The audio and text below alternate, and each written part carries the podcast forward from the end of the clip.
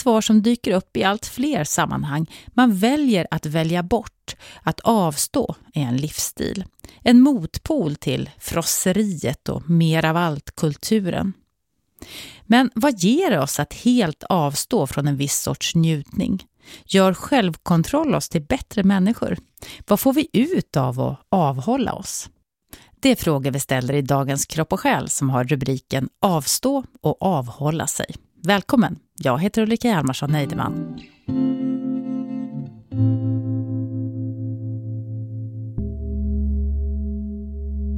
Det är en helt vanlig söndag och till den dagen så hör såklart lite söndagsångest. Björn Lindeblad ligger i sin soffa i det vackra huset vid havet. Och det var ett par månader kvar till jag skulle bli den yngsta ekonomichefen i ett AGA-dotterbolag någonsin. Och i en ganska meditativt ögonblick så steg någonting upp och bara sa Det här är inte grejen, det är dags att gå vidare. Det är en röst som talar till honom. Den landar med en sån övertygelse att det inte finns något annat för honom att göra än att följa den. Det var mer en ingivelse som var väldigt plötslig. Sen sa jag upp mig och ett par års sökande i olika riktningar vidtog. Och eh, när jag hade blivit dumpad på en strand i Thailand av en vacker kvinna från Kapstaden så eh, tog jag mig till ett kloster lite klyschigt för att jag insåg att jag behöver hjälp när jag är så här knäckt. Och eh, där lärde jag mig de första stegen i att meditera. Upptäckte en hel värld av levande visdom. Började läsa mycket om buddhism, började meditera dagligen. Och det ledde till nästa avgörande ögonblick där jag hade läst en bok nyligen om män och kvinnor som levde som munkar och nunnor som på buddhans tid med engelska som arbetsspråk i en djungel i ett kloster i Thailand. Några års sökande och ett brustet hjärta leder honom till hans nästa stora riktning i livet. Han ska bli munk. Nu ska han bara hem för att släppa bomben för familj och vänner. Så jag sitter vid eh, köksbordet med mamma och berättar att jag ska bli skogsmunk. Hon är överraskad men har inga invändningar. Och fick jag ju ta konsekvenserna, bland annat ge bort allt jag ägde. Ge allt? Studielån. Allt. Jag gav bort allt jag ägde. Så jag har alltid varit rätt bra och generös och lätt kring personligt ägande. Men ändå blev jag jätteförvånad över hur lätt till sinnet jag blev av att ge bort allt. Eh, och bara släppa taget om alla fysiska ägodelar. Jättehärligt. Björn som är van vid att han alltid tvivlar och måste vända in och ut på varje steg han tar får plötsligt helt klart för sig vad han vill göra. Vad han måste göra. Han skänker bort allt han äger i ett slags rus nästan och betalar av alla sina skulder för med skulder så kommer man inte in på klostret. Men alla i hans omgivning är inte lika inkännande och förstående som hans mamma.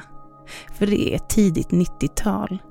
Yuppie-eran ska snart lägga sig för att låta internet slå igenom. Det var noll hitfaktor på buddhistmunk.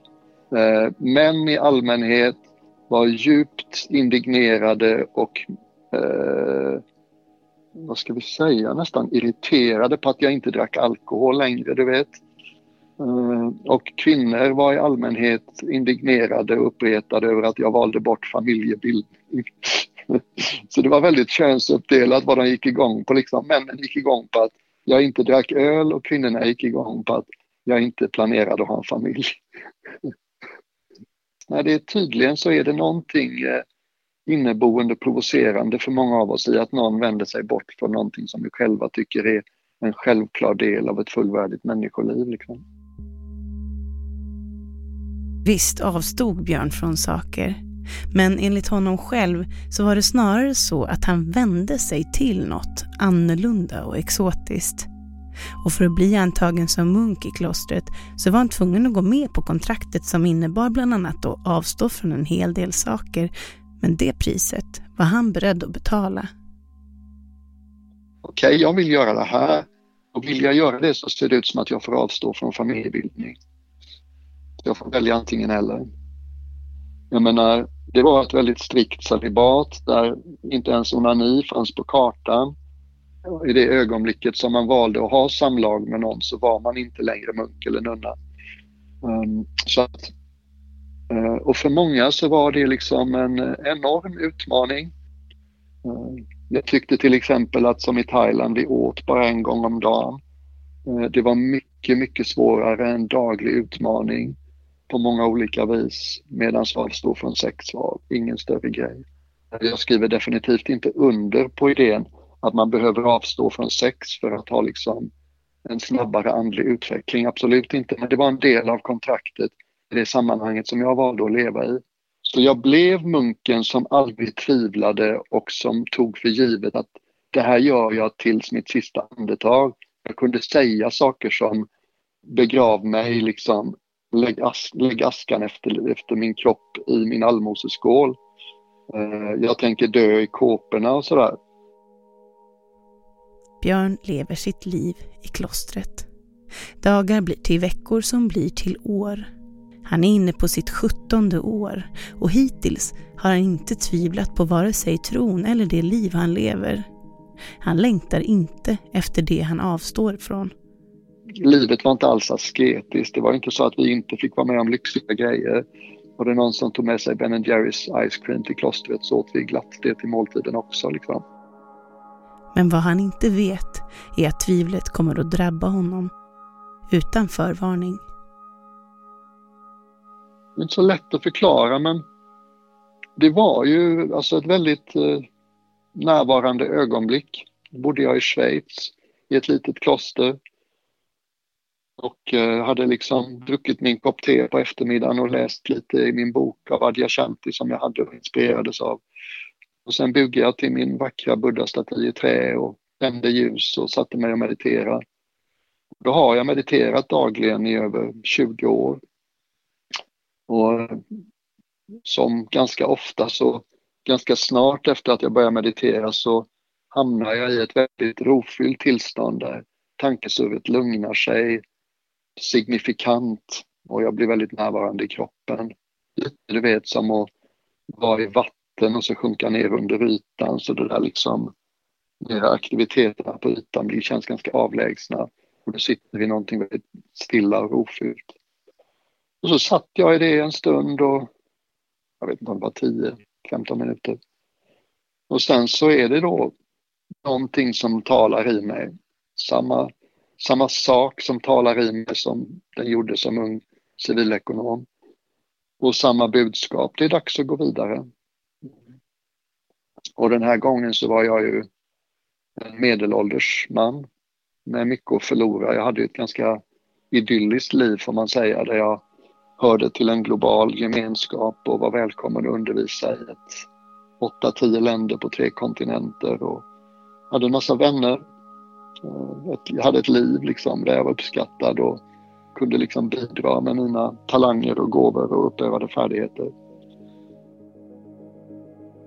Den så kallade röst han hör nu är alltså lika stark som den han hörde för 20 år sedan. Men nu har han mycket att förlora. Björn gör sin research. Han pratar med andra munkar och nunnor som lämnat klosterlivet. Alla uppmanar honom till att inte underskatta svårigheten att ta sig tillbaka till det så kallade normala livet. Något som han såklart kommer att göra.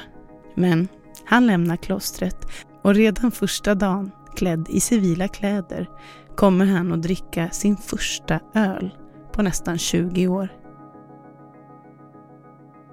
Eh, jag lämnade klostret i Schweiz i vanliga kläder några dagar efter jag hade slutat vara munk och så tog jag en linbana upp på en vacker liksom, sadelpunkt på en alp och där fanns det en restaurang.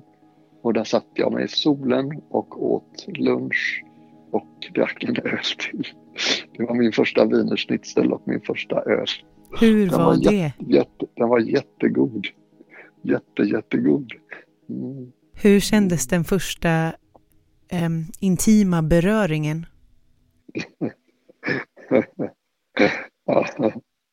oj, oj, oj. Eh, ja, det var väl helt enkelt så att de första gångerna så var det otroligt spännande, otroligt vitaliserande, otroligt intensivt. Men det var just de första gångerna. Och sen så blev det härligt och njutbart. Och kanske på ett lite nytt sätt än innan. Jag hade trots allt odlat liksom närvaro i kroppen i 17 år som munk. Så jag skulle utan omsvep eller genans vilja påstå att jag blev en bättre älskare av att vara munk i 17 år. Därför att jag fick en bättre fingertoppskänsla och omdöme och jag blev mer inkännande för den andra människan. Mm. Så du får eh, stämma av med min fru om hon håller med. Men... Vi hörde Björn Nattiko Lindeblad, Chang Imam intervjuade. Hej och välkommen Folke Tersman, professor i praktisk filosofi vid Uppsala universitet. Hej. Vad finns det för värde i att avstå och avhålla sig från sånt som de flesta av oss betraktar som självklart? Ja, värdet kan ju bero på väldigt många olika saker, bland annat vad det är man avstår ifrån. Eh, men det, det jag funderar på när jag hör det här, det är ju att liksom det, det kan ju finnas väldigt många olika motiv till att man vill avstå. Eh, och de kan ju vara besläktade och så vidare, men de kan ju också vara rätt olika. Jag menar det här att man avstår från